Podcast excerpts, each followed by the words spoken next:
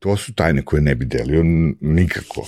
Ulazi takva riba da ja ne, nisam mogao se uskoncentrišem, nego ja onako... Ako oni ne odu svojim putem, ja sam... Ja nisam uspeo kao, kao, kao inspiracija, kao mentor. Da li sam progurao uvek sve, sve svoje ideje? Nisam. Ali,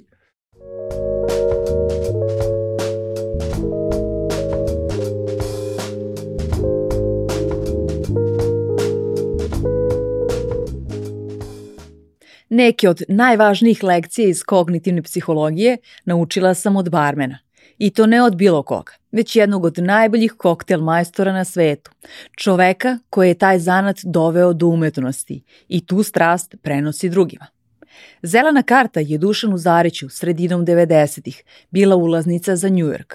A šta je sve on naučio na putu od studenta mašinstva i rokera iz Beograda do vlasnika poznatih barova i hotela – saznaćete u narednih sat vremena.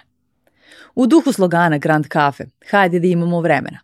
Ovim razgovorom želim da vas podsjetim koliko je značajno da umemo da čujemo priče drugih ljudi, jer one mogu da nas pokrenu u neočekivanom pravcu. Dušane, zdravo, dobrodošao.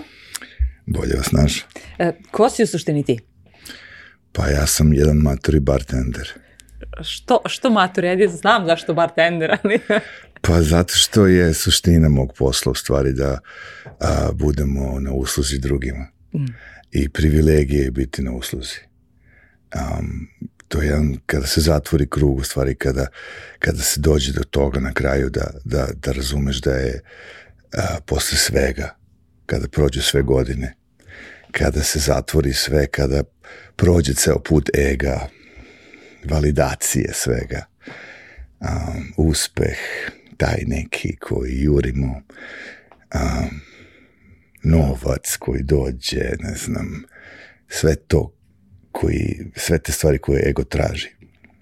I na kraju zaista sve ono što treba i ko, koje je meni zaista sve što sam hteo je da dođe na kraju do toga da um, shvatim da je privilegija biti na usluzi, da a, ništa od toga što je ego hteo zaista nije bitno. Mm -hmm. o, kako si sad, aj možemo da kažemo pročistio to što je ego hteo svih ovih godina, a, odnosno svih ovih godina, jeli, počeo da. od, od, od mladog rokera iz Beograda, da. ovaj, pa, pa preko raznih e, država u Njujorku, odnosno u Americi. Između Kako sam pročistio to? Da. Pa to je trajalo to je trajalo, to je bilo ono, to se čistilo um, uglavnom uh, time što se lomilo srce. E, lomilo se srce i lomile se iluzije, znači um, bol uglavnom. Um, uh, I to je tako išlo, jer um, ništa ne ide bez toga, bar, bar je to neko moje iskustvo. Um, To je s jedne strane. S druge strane, moje iskustvo isto meni a, je nekako govori da ne postoji formula u životu. A, kad god imamo ovakve neke intervjue, svi traže neku formulu. Formulu za neki uspeh, za a, neku sreću u životu, za neki kako da dođem do nekle. Znači, kako da što brže dođem do uspeha, do, do novca, do spokoja nekog, a to jednostavno po ne, u nekom mom iskustvu ne postoji. To je vrlo individualna stvar i do to, zato to treba da se radi. E, pa dobro, i ti kao, kao neko ko studirao mašinstvo, isto nekako s te strane očekuješ neke formule. Tvoj neki prethodni mm. ego je očekivao i, i formule. Pa da? svakako, da, to je trening, jel? To je trening tog ega bio takav da uh, jeste jedan i jedan je dva, dva i dva i četiri, to nekako smo tako istrenjeni da mislimo da um, meni su govorili, moje generacije su govorili samo vi deco završite tehničke fakultete i vi ćete da radite svuda u svetu. To je totalna laž bila, tada, ne znam kako je sada. Evo, tebe radiš svuda u svetu. da, ali ne u struci. ali ne. da, ne u toj struci, svakako. A, ne znam kako je sad, ali tada su nas lagali, verovatno nisu ni oni znali, nisu nas sigurno lagali zato što su htjeli da nas lažu. Nisu ni oni znali. Ovaj, um, ali ovaj, ne znam, ja mislim da, da je život svakom od nas dat da učimo i da idemo tim nekim putem i da kada padnemo, da se podignemo. I kada se podignemo, um, poenta je, ja mislim da um, vidimo gde smo pogrešili i da budemo, kako se to kaže, a, da budemo nežniji prema sebi i prema ostalima i da i da vidimo gde smo pogrešili i da budemo ok s tim, da naučimo te lekcije i kažemo ok, idemo dalje. E sad, mnogi ljudi misle da je smak sveta ako napraviš grešku i da je to nešto neoprostivo. Izgubio si porodicu, ne znam, razveo si se, ostavila te žena, izgubio si porodicu, mislim, razne stvari se dešavaju, tragedije. Ok, sve je to u redu. Mislim, sve to za, sve to za ljude. A koje su lekcije koje mi treba da naučimo iz toga? A, Hajde da krenemo pre nego što, pre nego što ovaj, krenemo od tvoje priče odavde iz Beograda, pa Aha. kako si ti ovaj, zahvaljujući, odnosno uz pomoć zelene karte došao i do Amerike. Um, Imam pre toga jedno pitanje, rekao si da ne očekujemo univerzalnu formulu, ali bih volila eto da znam koja je tvoja formula, pošto smo te upoznali smo neku širu sliku o tebi, ali ja volim da pitam ljude, da volim da čujem kako funkcionišu na dnevnom nivou, u smislu toga bez čega ne može da prođe jedan tvoj dan i zašto se nekako trudiš da uvek imaš vremena? Pa, ja volim da spavam. Um, Ja živim sad u jednom gradiću severno od San Diego na obali u Kaliforniji i tamo narod ustaje jako rano i svi trče ujutru i idu da surfuju i onda igraju golf i to sve. Ja ništa od toga ne radim. Ja ovaj, sam služio vojsku i ne pada mi napamet ikad u životu da se budim rano ujutru. Apsolutno nikada više. ja moram da se naspavam. Ustajao sam rano kad su deca bila mala i a, nikad više dobrovoljno ne želim da ustajem rano, znači moram da se naspavam, meni to treba. Treba mom psihičkom, mentalnom, emotivnom i fizičkom zdravlju da se naspavam. Znači, 7-8 sati svakako. To je prva stvar. Druga stvar, a, kad ustanem ujutru, a, pola sata um, sam miran. Znači, izađem napolje, uh, imam tu privilegiju da živim u, geografski u takvom delu sveta gde je nekako uvek isto vreme. Um, nema kiše, vrlo redko pada kiša, možda 20 dana godišnje. Tako da je uvek ili je sunčano ili je oblačno ujutru, tako da mogu da izađem ujutru napolje i da sednem i da napravim neku meditaciju sam sa sobom. A, ako ne moram da vozim dete u školu, na primjer. Ili odvezam u školu, pa se vratim i odvrdim tu meditaciju. Ovaj, to je to. A, I onda idem, bavim se nekom fizičkom aktivnošću. Znači, to su neke stvari bez kojih ne mogu da počnem dan. Ili moram da uradim u toku dana u nekom trenutku. Um, I to bi bilo to. -hmm. Od fizičkih aktivnosti se bavim boksom i to sam počeo pod starije dane. A, ne znam zašto, prija mi jako.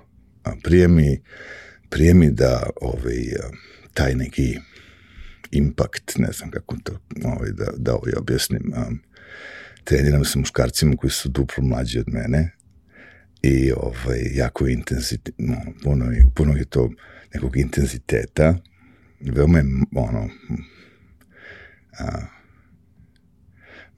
maskulino, kako se to mhm. kaže, mm -hmm. ovo, Postoji puno testosterona u jednoj prostoriji, dobro?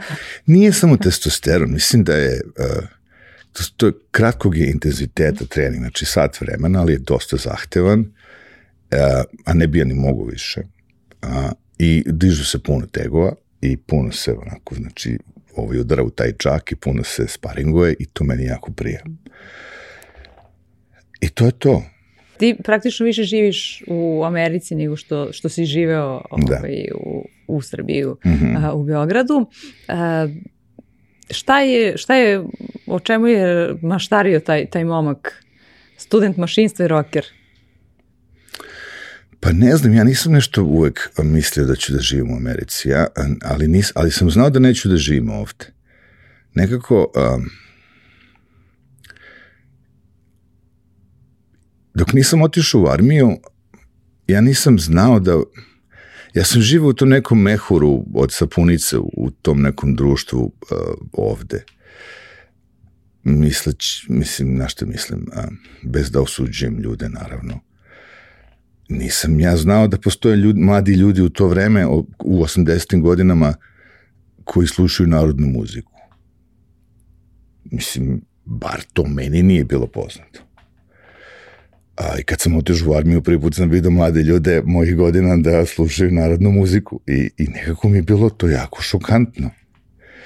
Da oni ne znaju, na primjer, ko je ACDC ili Beatlesi ili, ne znam, Rolling Stones ili ne znam Ekaterina Velika ili bilo ko od Da.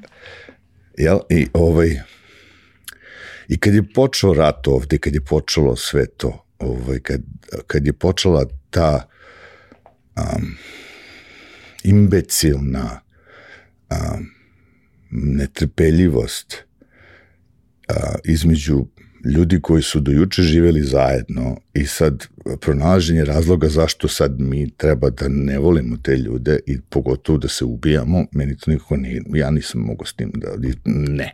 To je za mene bilo nešto što ni- nisam mogao da izađem na kraj i jedva sam čekao da odem. Nekako na nekom ljudskom duševnom nivou ja nisam s tim mogu da izađem na kraj. I znao sam da moram da odem. Meni je ovde bilo dobro, ali ja nisam ovde više mogu, i, i nije mi prijelo to nikako. I, i dan danas a, ne mogu da razumem zašto postoji takva netolerancija prema nekom ko, ko misli drugačije, ko se osjeća drugačije ovde. Ja ne živim u takvom svetu. E, imao si, pogotovo u, u periodu kada si otišao u Ameriku, e, morao si da, da radiš različite poslove, da se snalaziš i tako dalje. Ali e, nekako odlaziš e, iz, iz e, Beograda želeći neki bolji svet e, za sebe i tu u prvom periodu moraš da se snalaziš opet suočavajući se sa nekim drugim svetovima koji možda nisu tvoji. E, Kako prevazilaziš taj period? Pa bilo jako teško. Jer svejedno što ja nisam ovaj, video sebe ovde u tom trenutku kad je počeo raspad ove zemlje, um, ipak kad odeš u New York u, to, u tom trenutku, ipak je to potpuno drugačiji svet i drugačija kultura i nosiš odavde jedan teret eh, kulturni, balkanski. I ovaj, um, sećam se da mi je bilo dosta teško da se prilagodim tamo. Bilo mi je čudno sve, ne čudno, jako mi je bilo teško da se prilagodim. I žalio sam se i, i, i roditeljima i prijateljima ovde i tamo sam ono, se šalio ljudima koje sam ovaj, upoznao našim ljudima i verovatno sam im se ono, peo na glavu mm, i hvala im što su me slušali. Pardon.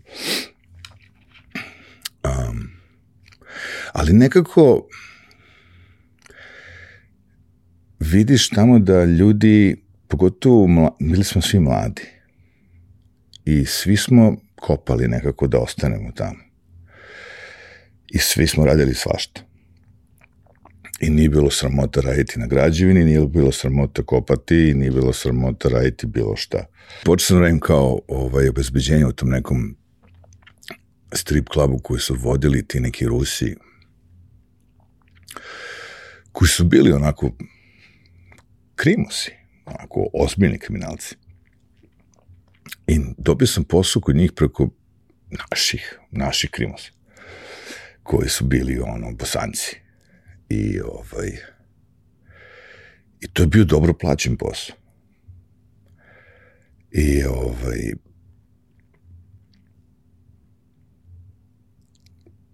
um, ja nikako nisam tu mogao nekako da se nađem u to. Mislim, to je bio dobro plaćen posao, jer ja sam radio na vratima tu i sad ja držim taj kao velvet rope i kako dolaze ovi mušterije, ja ih kao puštam unutra. I oni dolaze celu noć i a, ovaj, kako se zove, Evgenij neki koji je bio gazda, on se mene zove kao da popijemo mi piće. I on iznosi apsolut vodku i kaže me, e da popijemo. Ja rekao, ajde. Kaže on. Sipa on vodku, kažem ja, da te pitam, nekom kaže, pita, rekao, ti si Rus, kaže, jesam. Što piješ švedsku vodku, vodku kad si ti Rus? Kaže, pa on kaže, on pogleda, kaže, pa uvozna. Znaš, znači taj nivo, znači koji za njih šta god je sa strane, to najbolje. Da. Znači, to je taj nivo bio, i sad to je bio posao koji je bio onako prilično, mislim, zahtevan, ceo noć radiš do pet ujutru i onda voziš te ptizete kući, ja se vraćam znači kući oko pola sedam ujutru i u deset već idem kod jednog našeg makedonca, pola makedonac, pola albanac, koji me trenira da budem bartender. Jer ja nisam nikako hteo da ostanem tu da radim ovaj, kao uh, taj vozač uh, i kao obezbeđenje tih striptizeta jadnih koji su sve bile na heroinu. Znači, mene je taj posao bio ono čisto da se preživi, ali sam bio zahvalan tim ljudima jer su ovaj, dali mi eto tako neku šljaku da ne moram da ono kopam i da radim na građevini. Mislim, što nije bio problem, ali ovo je bilo lakše. Da. Mhm. I ovaj, i kaže meni taj makedonac, Kaže, ja mogu da te istrenjeram, ali ne možeš da radiš kod mene, jer ja zapošljam samo devojke. Ali možeš da, kao da treniraš i onda, znači, rad, spavaš 3 sata, odeš kod njega, treniraš, pa onda opet ideš celu noć, radiš i tako nedeljama i onda napraviš lažni kao neki CV i onda ideš po Manhattanu i tražiš posao. I posle nekih 3-4 meseca ubodeš neku šljaku i polako kreneš. Kako si se opredelio baš to kao je, ja ću sada biti bartender? Pa, moja devojka u tom trenutku je počela da radi kao barmen. I ovaj, neki naši momci koje sam ja upoznao su radili kao barmeni i ja vidim da su oni rock zvezde. A ja sam se bavio rock'n'rollom i vidim ja, to je to ti si iza bara, ti si centar pažnje, vidim ja, meni to izgleda isto. Nisam ja još uvek znao ništa o mešanju pića, o tom zanatu, nisam ja znao ništa o destilatima, nisam imao pojma. Ali vidim ja, nekako intuitivno mene to privlači. I valjda sudbinski, ne znam ja, karmički, nekako je to selo i ja dobijem posao, a mislim, hm, tražio sam, ja sam bio uporan, stalno, stalno ja sam gurao, gurao dok nisam dobio posao kelnera. A, kod a, jedne žene koja se, zva, koja se zove Amy Sako, ona je otvarala tad prvi svoj noćni kao klub a, na zapadnoj strani u Chelsea-u um, i stvarno taj Lot 61, to je postalo ono super poznato mesto i ona mene zaposli kao kelner, nije imala posla kao, bar, kao barmena, i, ali ja sam bio daj šta daš. ja sam bio ozbiljan, ja sam ono stariji bio od svih njih, ja sam imao, ne znam, 26, 27, oni su svi bili klinci. Znači, meni trebala, mislim, ja sam baš bio zagrizao. I posle, ne znam, mesec dana otvori se mesto barbeka i ja molim, daj, zapozite me ko barbeka, oni mi kažu, ajde. I ja prvi na posao, zadnji s posla, i oni vide da sam ja, ono, baš ozbiljan, pa onda postanem barmen i krenu da me uče. I meni sve jedan put počne to da ima smisla. Znači, krenem ja da probam ovo, pa da, ovo, pa ono, da ove, ove likere, pa ove viski, pa ovo, ne znam šta je ovo, pa ovo je kao, aha, ovo je pisko, aha, ovo je konjak, koja je razlika između konjaka, armanjaka, aha, aha, krenem da kupujem knjige. Koliko je tada već vremena prošlo kada si ti ovaj, se preselio, odnosno otišao iz Beograda? Pa recimo... Koliko u, u Njujorku? Pa recimo prošlo nekih pa šest, sedam meseci. Znači, nije mnogo da. vremena mhm. prošlo, ali ja sam bio baš onako zagrizo. E sad, zamisli sad ti za noć praviš u to vreme 400-500 baka. Tips, znači, ono, bakšiš, to je ozbiljna kinta. Meni, znači, meni moj devojci u to vreme je kirija bila, recimo, 1200 ba, ono, baka ovaj, renta. Znači, ja zaradim za našu kiriju za dve noći, tri. Znači, to je već ono, opa. I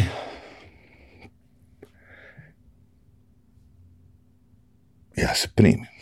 Jer ja vidim da prvo što sam ja bio napaljen, jezivo, počeo sam da kupujem te neke knjige, tad to je u to vreme nije to još bilo još uvek To je kraj 90-ih. Ma da, da, to još uvek nije bilo nešto rasprostranjeno, knjige su bile redke, mogu se da kupiš knjige o destilatima, morao si da ideš po knjižarama da tražiš, da kopaš, da nađeš to. Druga stvar, nije bilo niko to da to te podučava, to baš je bilo redko to. I, a ja sam s druge strane sam nešto tu ono, muljao, ono, mešao sam, dođem ranije, pa ne znam, igram se. I vidim ja da, ja, da su moji kokteli bolji od svih ostalih, jer su svi ovi barmeni, oni dođu tu, odrade malo, pola pije, pola šarcu daje, ono, pola kuca, pola sebi u džep, ovi ga provale pa ga otpuste, ja ono, šta rade ovi ljudi, mislim, Ti si imao neku dugoročnu strategiju. Ipak, A ja, on, ja mislim ja ozbiljan, ovi se svi zabavaju.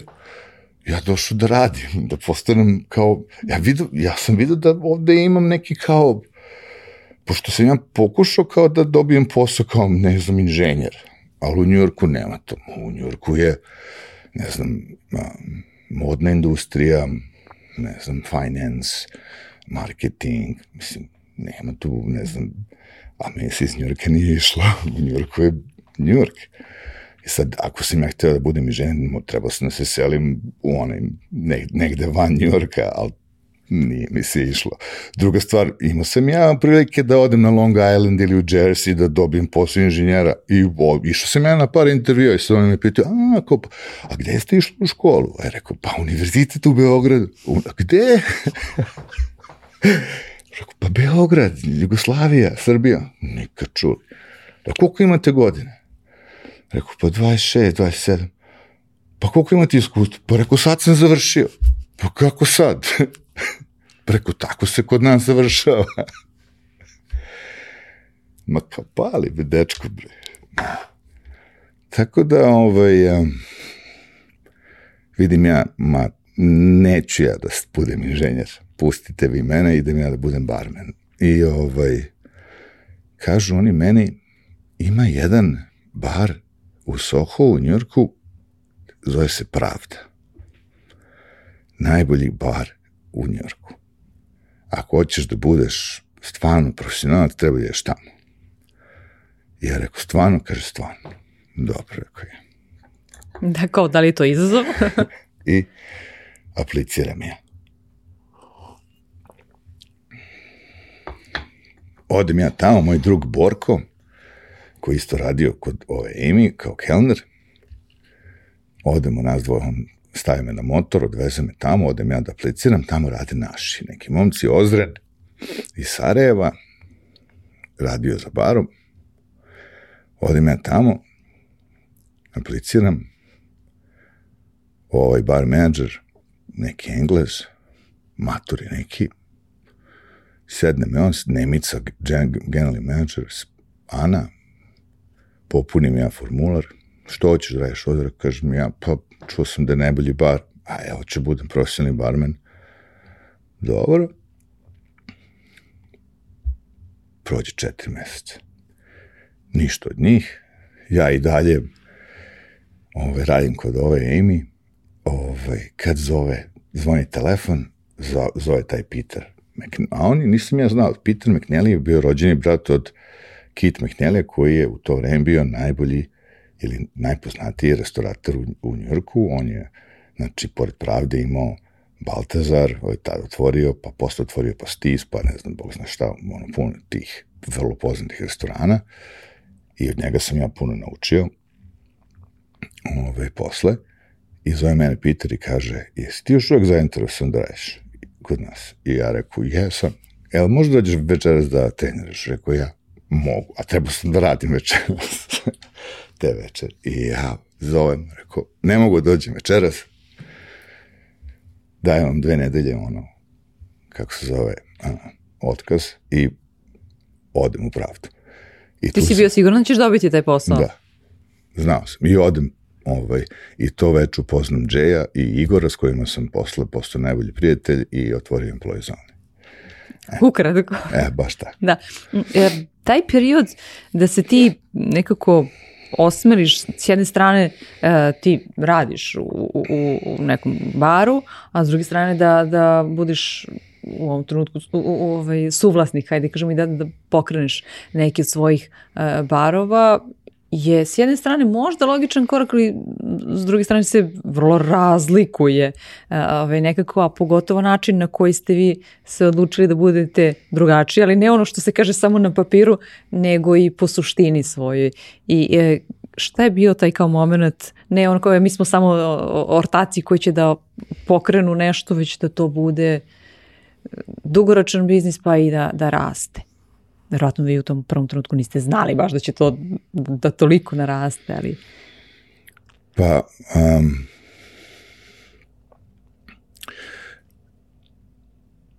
ja nisam imao pojma to veče prvo kad sam došao da treniram u pravdu i kad sam upoznao Igora, Igor iz Sarajeva. Mm -hmm. I Igor, visok mršav, a, ima onako kako se kaže... Konjski rep. Konjski rep. A, a ja sam nosio onako kosu, tad ko Billy Idol, onako, imao sam crnu kosu onako na, na kako se kaže to, na, na, na bodlje. Uh. -huh. A Jay iz Jersey, onako, ljak se. Ovaj, I ovaj, nas trojica, kao oni mene treniraju. I ovaj, kaže Jay na kraju večer, pa nema tebe šta tena, ti znaš sve ovo i kao, ajde nas trojica, kažu oni o ovaj, ovom Peteru, kao može ovaj, ovaj momak može i prime oni mene. I nas trojica postanemo baš onako dobri prijatelji i dobro, sam, dobro smo tim bili. Oni su otpustili Ozrena, što radi, koji je radio pre nas, i celu tu ekipu jedan Turčin i je neki Josh. Oni su tu koji su otvorili pravdu pre nas, um, koji su krali i, i odvaljivali su ih, pokrali su ih najstrašnije i oni su njih otpustili sve u istom danu i zaposlili Džeja Igora a, bukvalno pet dana pre nego su mene doveli i nas trojica smo nesrećni radili tri nedelje dok nisu još zaposlili još par momaka da bi mogli da radimo. Mi smo bili izbezumljeni od posla.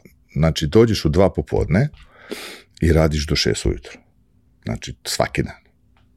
Tri nedelje. Ja sam, ne znam, ja sam, na primer, izgubio 15 kila za tih tri nedelje, ono, od, od, ali ti si haj na nekom adrenalinu, Znaš, služiš, ovde ti sedi David Lee Roth, ovde ti sedi, ne znam, a, kako se zove, Jack Nicholson, ovde ti je, ne znam, Goldie Hawn, znači, to je ludilo, ono, od, od poznat, ali, mislim, nisu ti poznati ti koji ti a, daju taj haj, nego posao, adrenalin, pritisak, stres i sve je super. I do, imaš taj doživljaj, to ti se sad dešava, došao si, bar meni, ja sam došao iz Beograda pre, kad? Pre godinu i po dana i odjedan put sam u svemu tome. I meni je to bilo odjedan put super sve, sjajno i pri, pritom se bavim nečem što me ispunjava. I još sam dobar u tome. I mislim, mislim meni to bilo ispunjenje svih snova. Ne to što radim i služim poznate, nego što sam, kako da kažem, znao sam da se bavim nečem čime treba da se bavim u životu. Idem na posao i imam osmeh na licu. Znaš, ono, Ka, ko je to sad trenutak kad zaista to prvi put osvestiš kod sebe, onako da kažeš aha, to je tako. Pa to, to kao mm -hmm. kad izađeš na binu i i kreneš da sviraš i, i uđeš u tu zonu i, i, i, i, i, i sviraš i ljudi i, i publika ono, ti vraća tu energiju i ti, i, i ti, i ti vraćaš, i mislim, ja sam to doživljavao kad sam svirao sa bendovima, to je to isto. E, malo pre si spomenuo na početku kao, aha, ja služim. E sad, e, nekako s jedne strane je neko ko je rock zvezda, bez mhm. obzira što ona emituje tu energiju i vraća joj se istovremeno, a s druge strane je možda neka osoba koja, koja ovaj, služi. Ili ti doživljaš to drugačije? E sad, mm. e sad, ok. To je vrlo važna stvar. U početku to je ulazak u celu tu priču je bilo to da doživiš da doživiš taj tu realizaciju da si našao neki svoj put. A potom dolazi to sazrevanje u koje ima padova, naravno, uspona i padova. I onda shvatiš u stvari da je a, suština svega da budeš na usluzi. Nije na usluzi samo svojim gostima, na usluzi svom timu, svojim partnerima, a, svoj porodici, svima. Mm -hmm. Jel? Bezuslovno. Bezuslovno. Non stop. Moraš da daješ, non stop mora da daješ. Nema tu. A ja ako ne dajem, ja nema, ako ja iz ove čaše, ako ja moju čašu, ako je ovoj čašnjaka, na primjer, ako je ova čaša simbolizuje neki volumen mog, mog znanja, što se tiče moje struke. I ako je ona puna, ako ja to ne prospem i ne sipam u nečiju, u nečiju drugi, u, ne, u, u nečiju drugu čašu, ja nemam više ono, prostora da, da dobijem za sebe. Razumem. Jel tako? Znači, um, ja moram da delim. Meni jako smeta kad ljudi pričaju o nekim kao o tajnama recepti su tajne, ne znam, um, moj uh, metod rada je tajna, to je konkurencija, ne, ja se, znaš, ako ti ja kažem šta radim, ti ćeš da uzmeš moje, ne znam, ti si meni konkurencija. Kakva konkurencija, čoveče? Ne postoji konkurencija. To je, to je, to, to je pogrešno razmišljati tako. Moraš da deliš. Kako ti učiš e, druge, pošto ti se sada dosta baviš edukacijom e, i nekako verovatno su neki mladi ljudi e, prevučeni tamo kao ipak jeste duša na neki način superstar, ali kako ih upravo učiš ovome o, čemu smo ti i ja sada pričali? Jeste kao da primerom, ali kako izgleda taj proces kada, kada ti drugima prenosiš to svoje znanje? Iskustvo. Ok, znači primerom je najvažnije da ih vodiš primerom. Um, naravno, mora, ne, nešto mora da se stavi u neki format. Um, ja pokušam da stavim u neki format, da li je to neki papir, da li je to neka knjiga, da li je to neka edukacija putem video, audio formata, naravno. Ali a, najvažnije je da se to prenosi Dođi da radimo zajedno. Da radimo zajedno, da vidiš kako ja... Um, neverbalna komunikacija je najvažnija. Mm -hmm. Mm -hmm. Zašto? Oni kad vide... Uh, ugostiteljstvo je emotivni doživljaj. U Americi i na zapadu je razlika u proizvodima koje mi služimo veoma mala. Ovde kod nas možda još uvek možemo da kažemo da ok, ako idemo recimo ovde u ovaj restoran, možda je ovde hrana malo bolja nego ovde i radije ćemo da idemo ovde jer je zna se odakle dolazi ova te hrana, nego, mislim, ali da. verujte mi, na primjer, u Americi na nivou gde, gde su restorani, recimo, jako dobri, razlika između proizvoda nije više tolika da bi mm, ili koktela nije više tolika da bi mogli da kažemo ok, ovaj Negroni je bolji ovde, ne, bolji tu nego ovde. Nije dovoljan razlog da idemo tu. A, razlika zašto je neki restoran uspešniji je jedino u tome kakvo je ugostiteljstvo. Znači, ako je stav istreniran da ti pruži taj emotivni doživljaj, pogotovo na zapadu, gde su ljudi usamljeni do takve mere i toliko su izbezumljeni u toj nekoj iluziji a, šta ih čini srećnim. Da, ovaj, ako dođu kod mene, ja sam još jedan element u njihovom životu koji ih odbija i koji im neverbalno komunicira nisi dovoljno dobar, nisi dovoljno dobra, ne zaslužuješ da budeš ovde. A, kako sam ja onda, zašto bi me zapamtili? -hmm. Jel? E, prošli put kada smo se ti ja videli i upoznali u Beogradu, ima tome šest, ja mislim, godina, ja sam od tebe naučila jednu od najvažnijih lekcija.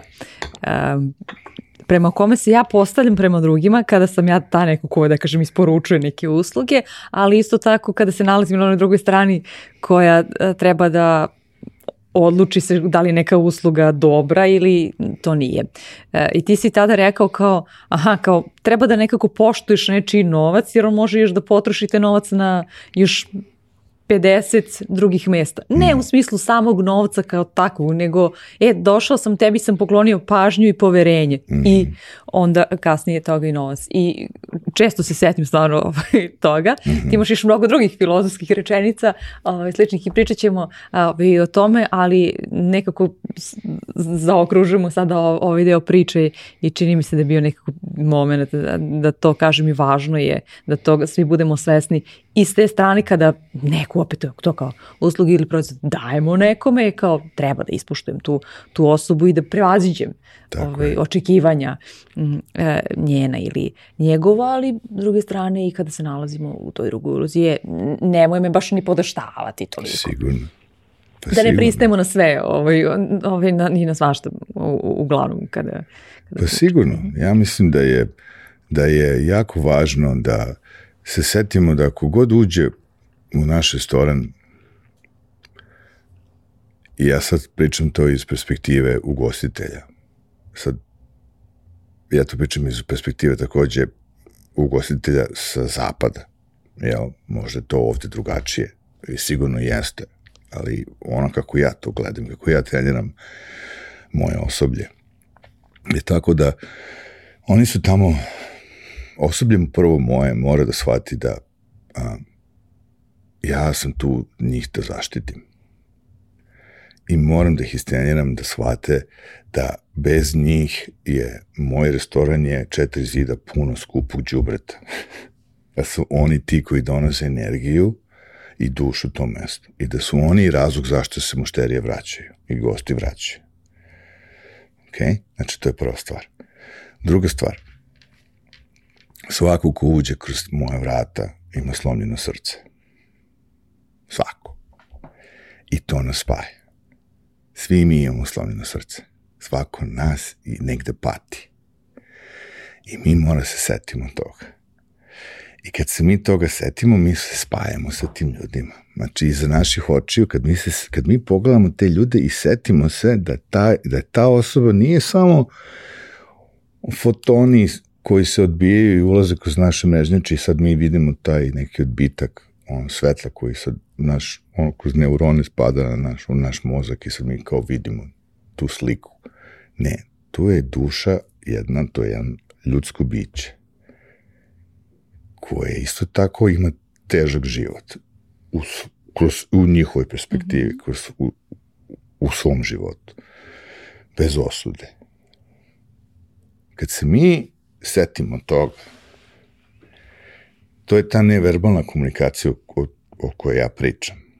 Odjedan se sve menja, jer oni osete da se sad mi s njima spajamo. Sve se menja. Onda se taj gost osjeća odjedan put prihvaćenim. To je nešto što, što nema cenu. Ja ne mogu to nikoga da naučim iz jednog puta, iz dva puta u mesec dana, pa čak ni u godinu dana. To mora da se praktikuje non stop, stalno i to ide od ozgo pa se širi dole kroz neku piramidalnu strukturu i zato to što ja praktikujem nije umetnost, nego je zanat i taj zanat je ima šegrt, ima majstor, ima šegrt. I mora da se, znači, postoji vreme koje treba da se prođe u tom šegrtovanju da bi se to naučilo i da bi se onda postao majstor u tome. Vrlo je važno da se ne preskaču razredi u tom šegrtovanju, jer jednostavno ne, je jako bitno da ne pomisliš da si završio pre nego što si spreman. Jer ljudi su, ljudska bića su vrlo različita, svi nosimo neke svoje traume iz, iz prošlosti, pogotovo iz detinstva, i moramo da budemo vrlo pažljivi sa ljudima. Kako sa svojim osobljem, tako i sa gostima. Ja ne mogu da očekujem od mog osoblja da a, bude a, istrenirano da rešava situacije sa nasilnicima koji su, na primjer, gosti nasilnici. Zato imam istrenirani management ili security. Ok? Ali da bude tu da a, da bude isteniran, da pruži najbolju moguću uslugu, da odgovori na sva moguća pitanja što tiče naših proizvoda i koktela i hrane, to naravno da. Tako. Ali da bude isto tako tu otvoren i da a, kako se kaže, da, a, da spusti tenzije, da se konektuje sa ljudima, da okrene teškog nekog no, gosta. gosta koji je onako došao neraspoložen i da, ga, da mu vrati osmeh, da je njoj vrati osmeh na lice. To svakako da. A to zavisi od nas. Ja kad vidim da mi osoblje dolazi na, na neko, da mi kelnerica ili kelner dolazi na posao i da nema osmih na licu, ja vidim ja, problem, to je problem, od, ja odmah reagujem i odmah dolazim sa strane. Ja, jer ja ne verujem u to, ja, mislim, u, u, mojim, u mojim restoranima i barovima, ako te uhvatim i osetim da, da, da imaš frku da napraviš grešku, imam problem Naravno da ćeš da praviš greške. Moraš da praviš greške. Ako ne napraviš greške, kako ćeš da naučiš? Normalno. Šta podrazumevaš pod, pod greškom u tom slučaju? On, ona greška iz koje se raste, ok je da pogrešiš sastav nekog koktela i tako dalje, ne znamo, ne znamo se recepte, ali šta je to, koje su to greške iz kojih se u, u, u tvom poslu raste? sve. Sve može da bude greška. Pa čak i da, čak nešto zbog čega bi u bilo kojoj drugoj korporaciji dobio otkaz. Kako si napravio takav prostor? Postoje čiste, čitavi ono strategije i timovi koji se u velikim korporacijama ovaj, sistemima, nije bitno, radnim grupama, kako god da oni bili u kojoj god formi, a ti imaš definitivno veliku ovaj, radnu grupu i veći mm -hmm. broj ljudi, ali postoje čitavi timi koji, ko, timovi koji se bave tom psihološkom bezbednosti i tako dalje. Kako si ti u, u tvom slučaju postavio nekako to na, na zdrave noge? Evo ovako, pitam sebe, kako bi ja volio da se ovo ophode prema meni kada bi radio za druge ljude? Jel osjetiš nekada, i verovatno je da ima uh, momaka i devojaka uh, koje su sličan put ili sličnu sudbinu kao ti sa 26-7 godina. Uh, I jel, jel nekako ti tad delu, deluješ onako kao osoba, kao mentor na njih, ne samo ovaj, u poslu?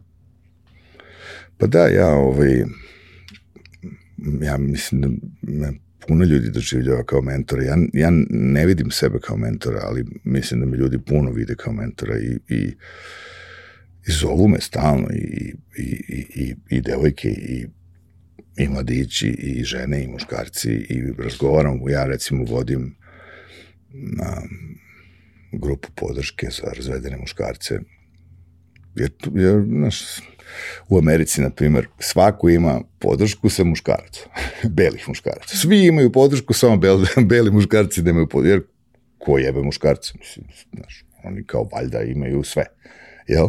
Valjda. A u stvari, oni su u stvari potpuno zbunjeni. Mm. I nemaju ništa u stvari od podrške, jer jako imaju privilegije što se tiče obrazovanja, možda novca i, i, i, i porekla, to ne znači da imaju alatke da, i psihološke alatke da idu kroz život. Jel? U Americi postoji samo jedan um, je, samo jedan um, kako se kaže to government sponsored uh, znači samo jedan uh, državni uh, sponzor, uh, samo jedan plan koji država sponzoriše za dečake a to je Boy Scouts znači sve ostalo su ili devojčice ili žene ili Znači, nema ništa, za, znači, dečaci su tamo potpuno ugrožena vrsta i to se vidi. Zašto oni sada su u frci od tog nekog belog rasizma? Pa normalno, jer tamo u, ta, u takvoj kulturi gde je sve ekstremno, šta si očekivao da će se desiti? E, važno je i, i hvala ti što si i taj deo podelio ja. sa mnom i sa nama svima, ja. E, zato što da, definitivno i da ovaj, koliko god ja s jedne strane bila da kažem feministkinja, ali po, po, ovaj, bitno je da svi budemo, da kažem, ovaj, ne, ba, treba, treba, treba, treba jedna zdrava, jedan, da. jedan zdrav pristup. Mislim, ako ti nemaš zdravu mušku energiju, onda Tako. će ta energija da ode u nezdravo. E, sa tom, sa tom muškom energijom mora da se radi na zdrav način, inače ćeš da imaš ove navijača koji idu pa biju. Mislim, to je nezdrava, to je nezdrava muška energija, to se kanališe tako. Mislim, mora s tim da se to mora da se radi na, na zdrav način. A kako se radi na zdrav način? Tako što se sa dečacima radi. A ne kad su već pa, postali Saglasno, dijabole ovako. Kad su postali dijabole ovako, onda je već kasno potpuno, potpuno saglasna. Ne. Tako da te i s te strane ovaj, je, podržavam u tome i još jednom kažem ovaj, hvala ti zbog, to, zbog toga što radiš a, i u ime, u ime svih osoba na, na ovoj planeti, nebitno da li su žene ili muškarci ili ovaj, kako god.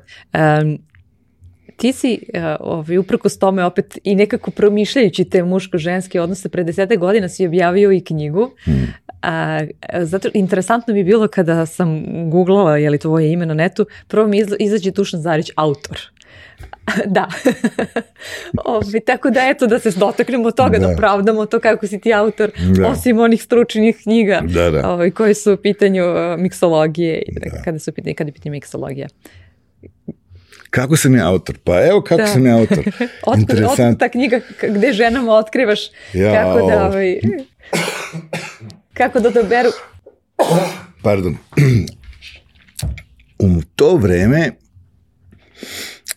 kad smo mi otvorili Employees Only, ulazi Dona, ve, veća jedna gospođa, poreklom Jermenka, naš regularni gost, agent literalni. Voli da popije, voli skoč. Sedne ona ovako i kaže ona, Boga mi, ovakve koktele niko nema u gradu, ja pijem stalno svuda, niko ovakvih koktela nema, ja rekao ja, dobro, Dona, ti si stvarno žena koju imaš, znaš ti, rekao ja, Jay i ja smo spremni da napišemo knjigu koktela, imamo sve ove recepte, hoćeš da vidiš naš man, ono, manuskript, kaže ona, hoću. Pošaljem ja njoj na e-mail, eto nje za 7 dana. Kaže ona, ovde ima materijala za dve knjige. Ti trljaš ruke zadovoljno. Rekao, ja, kako to misliš? Kaže, ona sad ćeš da vidiš. Vraća se ona za 7 dana, kaže, neće niko da objavi ovo, pokušao sam da prodam, kaže, niko neće da objavi bartender, bartendere koji pišu knjige o koktelima. Ja kažem, šta kažeš? U to vreme, ako si kuvar, možeš da pišeš knjige o koktelima, ako si novinar, možeš da pišeš knjige, ako si putopisac, možeš da objaviš knjigu koktela, ako si istoričar, možeš da pišeš knjige, ali ako si barmen, što bi ti pisao knjige o koktelima? Otko tebi pravo i znanje, Mislim, je li? ko, u to vreme, naš Da. barmeni nije, Da. nije, u to vreme, kako da kažem, u to vreme barmeni, u, bar u Americi, nisu smatran, nije se smatrao za ozbiljan, za ovaj ozbiljnu profesiju. Pre koliko godina govorimo o tome? Pričamo 2003. četvrte. četvrte. U to vreme se smatralo da si barmen neko, barmeni su ljudi ili konobari su ljudi koji se bave tim poslom dok im ne krene neka druga karijera. Uglavnom umetnička karijera. I ovaj, ona kaže, e ovako ćemo. Ovde sam ja u ovom vašem manuskriptu videla da imate tu dosta psiholoških ovaj, saveta za barmene kako da regulišu tu neku mikroklimu uh, u baru i da regulišu kao uh, kako da se ljudi upoznavaju i to sve. I ja mi, vama savjetujem da napre, napravimo knjigu o savjetu ženama kako da, jer u to vreme nije bilo ovih a, aplikacija za upoznavanje, Tinder i dobro slično. Jeste. U to vreme su se dalje ljudi upoznavali na staromodne načine u barovima. To je bilo, bilo pre 18 godina i, i više. I ja kažem, ma ne dolaziš bre u obzir, Dona, ne pada mi napad. Šta ti je čoveče? Pa to su tajne, to ja mogu da naučim, to su tajne koje ne bi delio nikako. To si tada mislio? Ne, ne, ne, to ozbiljno, to sam i da dan danas mislio. Ne, i Dona kaže, slušaj, ja ti garantujem da će to da vam, jer to će da se proda i to će da vam otvori vrata da napišete koktel knjigu. Jel hoćeš da napišeš koktel knjigu? Rekao ja, pa hoću. E, ovo je ti put.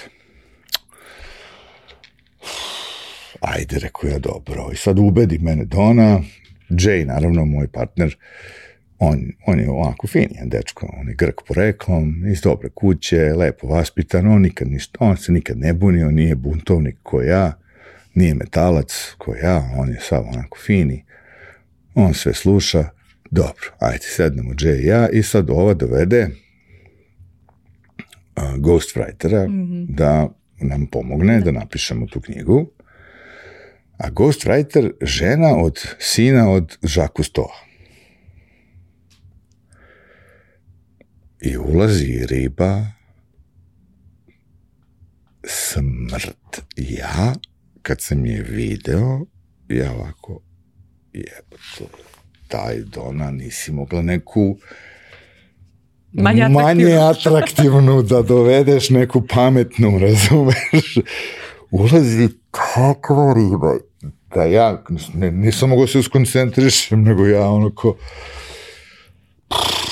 Rekao, strašno. I nekako mi uz velike napore s moje strane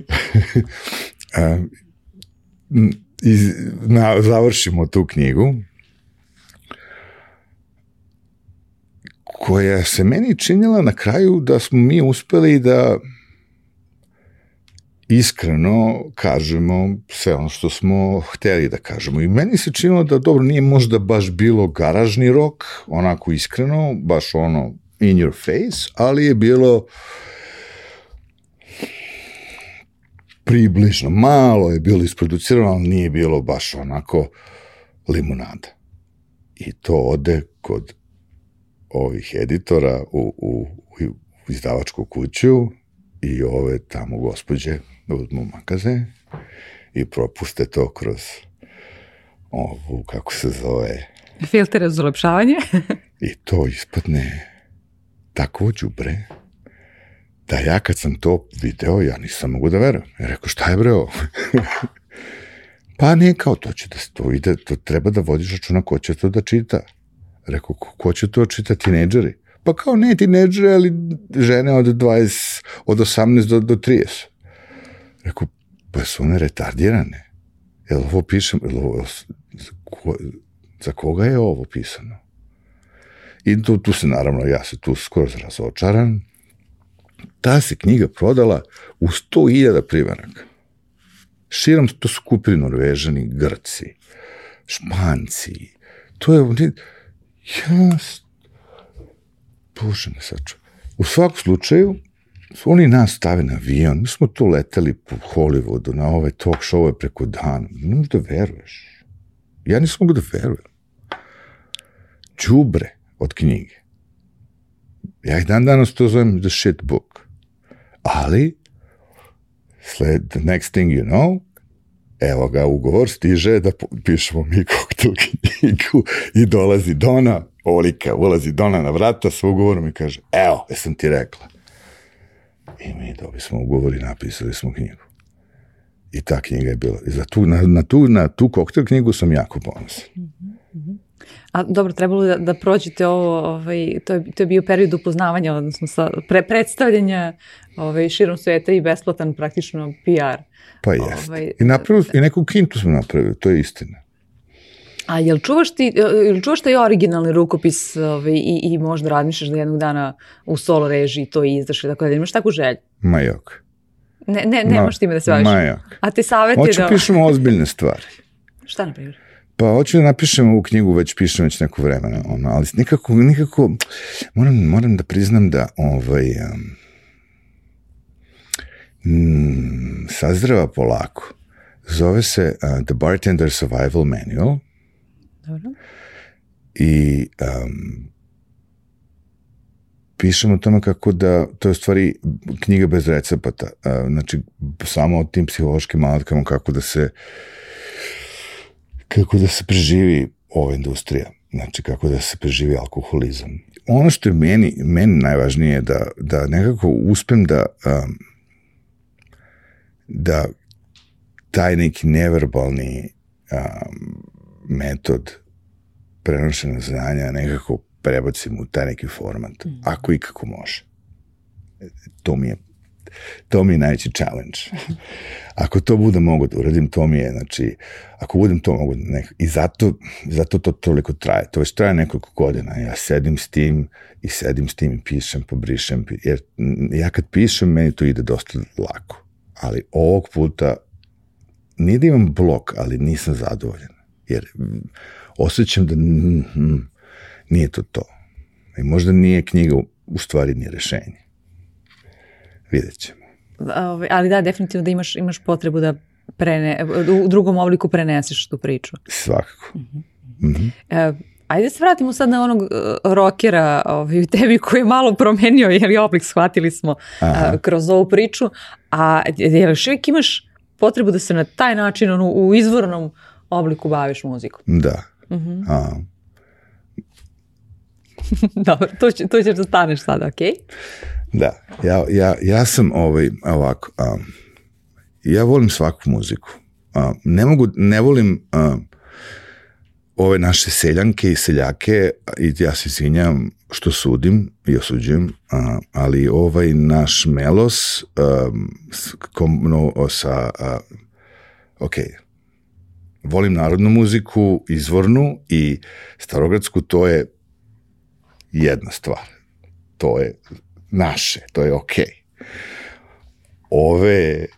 Kako ih je Ramba Amadeus uh, imenovao davnih dana Turbo Folk? E, to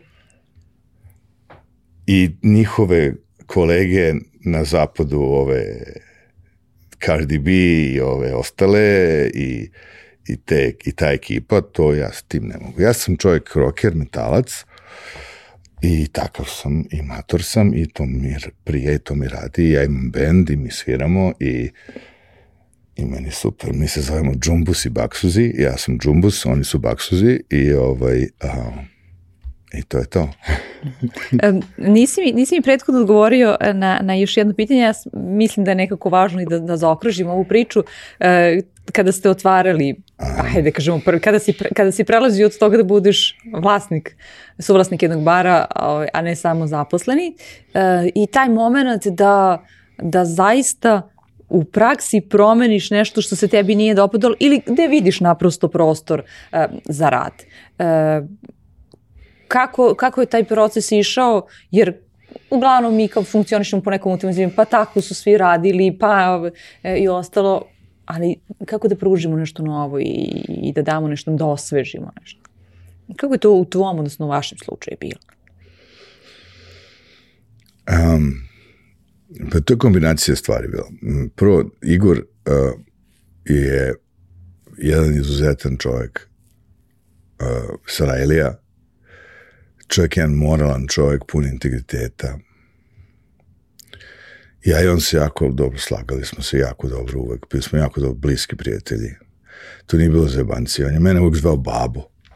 Pošto sam ja bio ono, uvek odgovoren, um, uvek ono, ne znam, prvi ustanem, završim sve što treba, plaćam račune, smo mi svi živjeli mm -hmm. zajedno, nas trojica, pa je onda, ono, ja sam bio babo, Tako da ovaj, imali smo tu neku energiju zajedno. I onda imali smo tu neku radnu etiku. Međutim, mi smo svi različiti bili. I onda a, svi su nam govorili nemoj da imaš partnere, nemoj da imaš partnere, ako imaš partnere, kad tad će da se posveđete, ali naše iskustvo je bilo tako da smo a, Nije bilo lako. Imali smo mi trzavice između sebe, da se ne lažemo mi sad. Međutim, mi smo znali da ulazimo u partnerstvo zato što neko od nas zna nešto što drugi ne znaju. Ili nije da ne znaju ili neće da nauče to ili nemaju potrebe da, da nauče to. A, to je bila jedna stvar. Druga stvar, mi smo znali u tom trenutku da u, otvaramo nešto, pokrećemo nešto što do sada nije bilo. Znači, Jay i ja smo vrlo dobro znali. Igor nikad nije bio u fazonu, e, kao ja ću sad da budem taj craft cocktail bartender i to. On je bio samo, on je s nama išao, on je nama verovao i on je nas podržao. Jay i ja smo tačno znali šta radimo, da smo na, na, na, na pragu nečega velikog što će se desi. Jer smo znali kafa je krenula, vino je krenulo, hrana je krenula, sledeći su kokteli i mi smo bili tačno tu. Ovaj, mi smo doveli Henrya s nama koji je bio mantor i bio moje, moje vreme, mi smo imali sve što nam je trebalo, samo nismo znali kako da ovaj, otvorimo mesto, znali smo kako da vodimo mesto, znali smo, imali smo sve konekcije, sve smo, sve smo znali, znali smo marketing, PR, sve smo znali, samo nismo znali kako da podignemo lovu, kako da ovaj, složimo sve kockice i zato je došao naš peti partner Bili. Bili koji je na Amazon imao svoje, svoja mesta pre nas i on je nama sklopio celu priču zajedno. Znači, da li je bilo lako? Nije.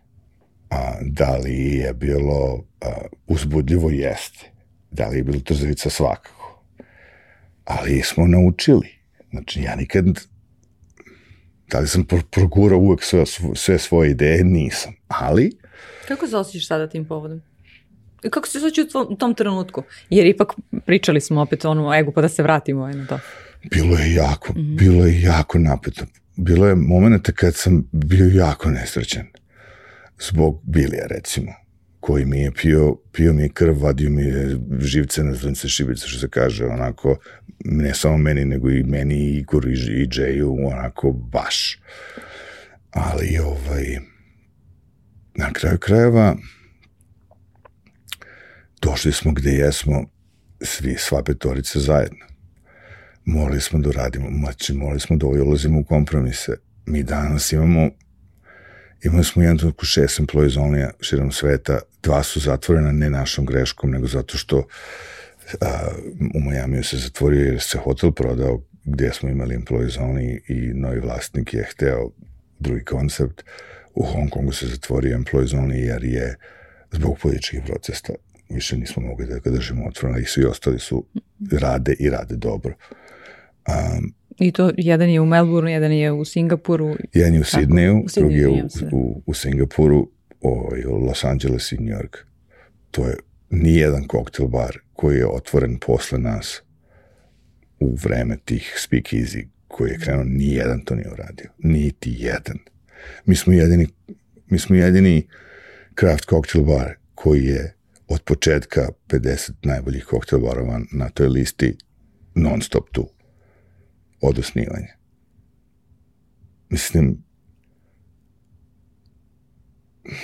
svi barmeni koji su kod nas krenuli da rade su danas ili vlasnici svojih mesta ili su ostali u nekoj vezi sa našom industrijom, znači ili imaju neke svoje proizvode ili su napravili neke svoje patente ili Kakav odnos sada ti recimo imaš prema tome? Jer e, ti gradio si neke, e, hajde da kažem gradio si neke ljude, učio si i sve I onda se dođe, do, dođe u jednom trenutku da, da, što je jeste nekako logično kad ti zdravorazumski pogledaš, da, ovaj, da ne radi više kod tebe i e, dobra je stvar ako ode zato što je napravio neki svoj patent, jer znači da je napredovao i ostalo, ali s druge strane ti kao neko koga si toliko ovaj, ulagao, više nije tu. Pa i treba da ide, pa ne može da bude kod mene non stop, pa nisam mu ja...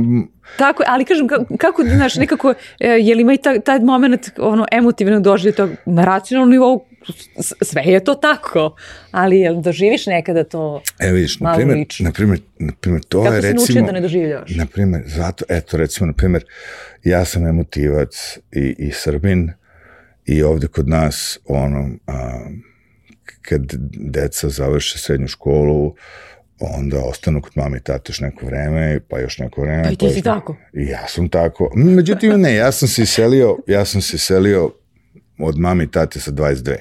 Već sam živeo sam. um, I onda sam otišao sa 25, 6 sam već otišao za Ameriku. A u Americi deca sa 18 su već bye bye. Um, Tako da tamo ovaj, moje, moje čere već ono, mi najavljaju da će se 18 već da ono kao čale vidimo se. No.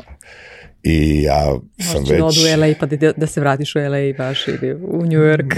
ma da, ja ono već sam, znači ima tu taj neki, nekako te ta kultura tamo već sprema na to. Uh, i ja želim za moje barmene da, i, i, i barmenke da, da, da idu svojim putem. Ja ih spremam za to. One, oni moraju da idu svojim putem. Um, ako oni ne odu svojim putem, ja sam ja nisam uspeo kao, kao, kao inspiracija, kao mentor. Ja mislim. Mm. Jer trebaju da idu svojim putem. Mislim, ako žele da ostanu za barom, ok ali trebaju da idu svojim putem. Ja treba da ih inspirišem da krenu svojim putem. Uh, ako žele da ostanu kod mene, mogu da ostanu u, kod mene ono do 40.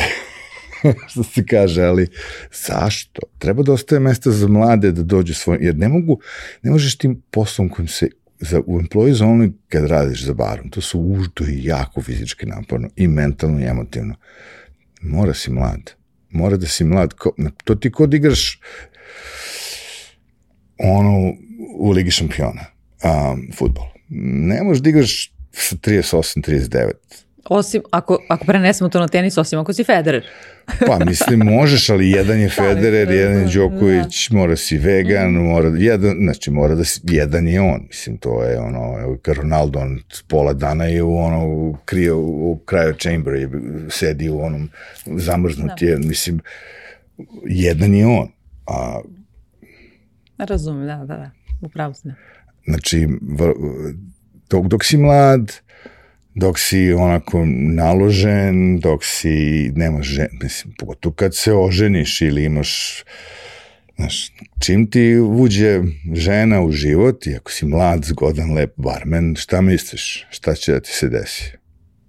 Prva stvar koja će ti se desi, e, pa mnogo kasno ostaješ na poslu, pa mogu bi možda da uzmeš posao da radiš za ovaj brand, pa manji bio, ono, bio, bio bi više kod kuće, znači krene žena da ti peva, što se dešava, što je normalno, pa onda, mislim, to su normalne stvari. Kako rešavaš ti tu fluktuaciju? Zato što uh, i mnoge druge industrije se suočavaju uh, sa tim i danas više nego ikada pre. Um, pa kako ja pričam sa ljudima, upozoravam ih da će to da se desi, govorim da obra, obraćaju pažnju, da uvažavaju svoje partnere, da je to jako bitno, da ništa važnije nije nego odnos između svojih partnera, znači međusobno, da moraju da poštuju svoje porodice, da moraju da obraćaju pažnju na to, da ne sme nijukom slučaju da stavljaju svoj posao i odnos sa, znači, sa mnom i sa poslom pre svoje partnerke ili partnera. Mislim, to su bitne stvari, jako bitne stvari. Ja sam napravio tu grešku prvi. Ja sam moj posao stavljao iz, iznad svoje porodice i zato sam razveden. Mislim, napravio sam, mislim, ja, ja sam doživeo to da sam ja napravio tu grešku. Mislim, da je to greška ili nije, sad možemo da, da diskutujemo, ali ja sam to napravio uh, i sticam tih okolnosti sam um, moram da moram da a, a, vodim računa o tome da kad pričam sa mojim barmenima i barmenkama moram da im skrenem pažnju da je to potencijalno problem i da vode račune. E, da, da zaokružim ovu priču, e, pitanje kojom uvijek nekako i završavam razgovor sa svojim sagovornicima, to je bez kog znanja ili veštine e, ti danas ne bi bio ovaj dušan sa kojim ja razgovaram. Ako možeš jednom da izdvojiš šta je to što je presudno uh, uticalo na, na tebe. A da ne bude baš miksologija kao takva.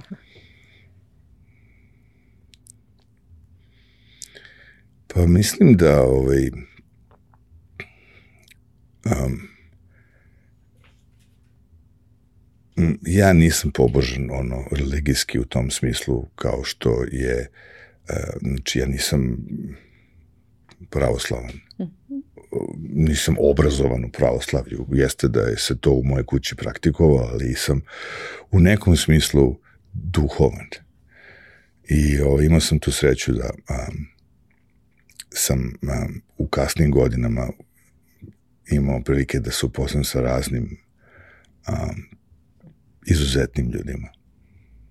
I, I ženama i muškarcima i da sam provao puno vremena um, po raznim manastirima um, i na Hilandaru i kod budista i kod raznih, raznih ljudi. I ovaj, ja, mislim da je to ovaj, bio presudan moment gde sam um, došao do, do nekih um, za sebe vrlo bitnih saznanja. I ovaj, bez, bez tih nekih realizacije, ne znam da bi mogao da uopšte se bavim ovim poslom. Da. I to je vrlo važno da, da spoznamo tu duhovnu stranu sebe i da budemo u miru sa sobom na prvom mestu. Jest, jer bez, bez, bez tolerancije prema sebi, bez neke ljubaznosti prema sebi i bez ovaj, um, kako se kaže kad je neko modest, ono je, ne znam, ja to kažem na engleskom sebi svaki dan, non-judgment, kindness and modesty, to su nekako moje te neke tri vodilje koje ja svaki dan sebi, kao neku mantru sebi kažem svaki dan i ponavljam, to su neke, neke tri realizacije prema sebi pa onda prema drugima. I to meni otvara dan, otvara mi sve. Mislim, ja razumem zašto narod um, pati i zato što ja razumem zašto ja patim. I zato ne mogu da osuđujem nikoga. Žao mi je. Dušane, hvala ti na ovom razgovoru i što si uspeo u ovom kratkom boravku u Beogradu da, da izvojiš svoje vreme da, da porazgovaraš. Hvala tebi, baš mi je bilo drago.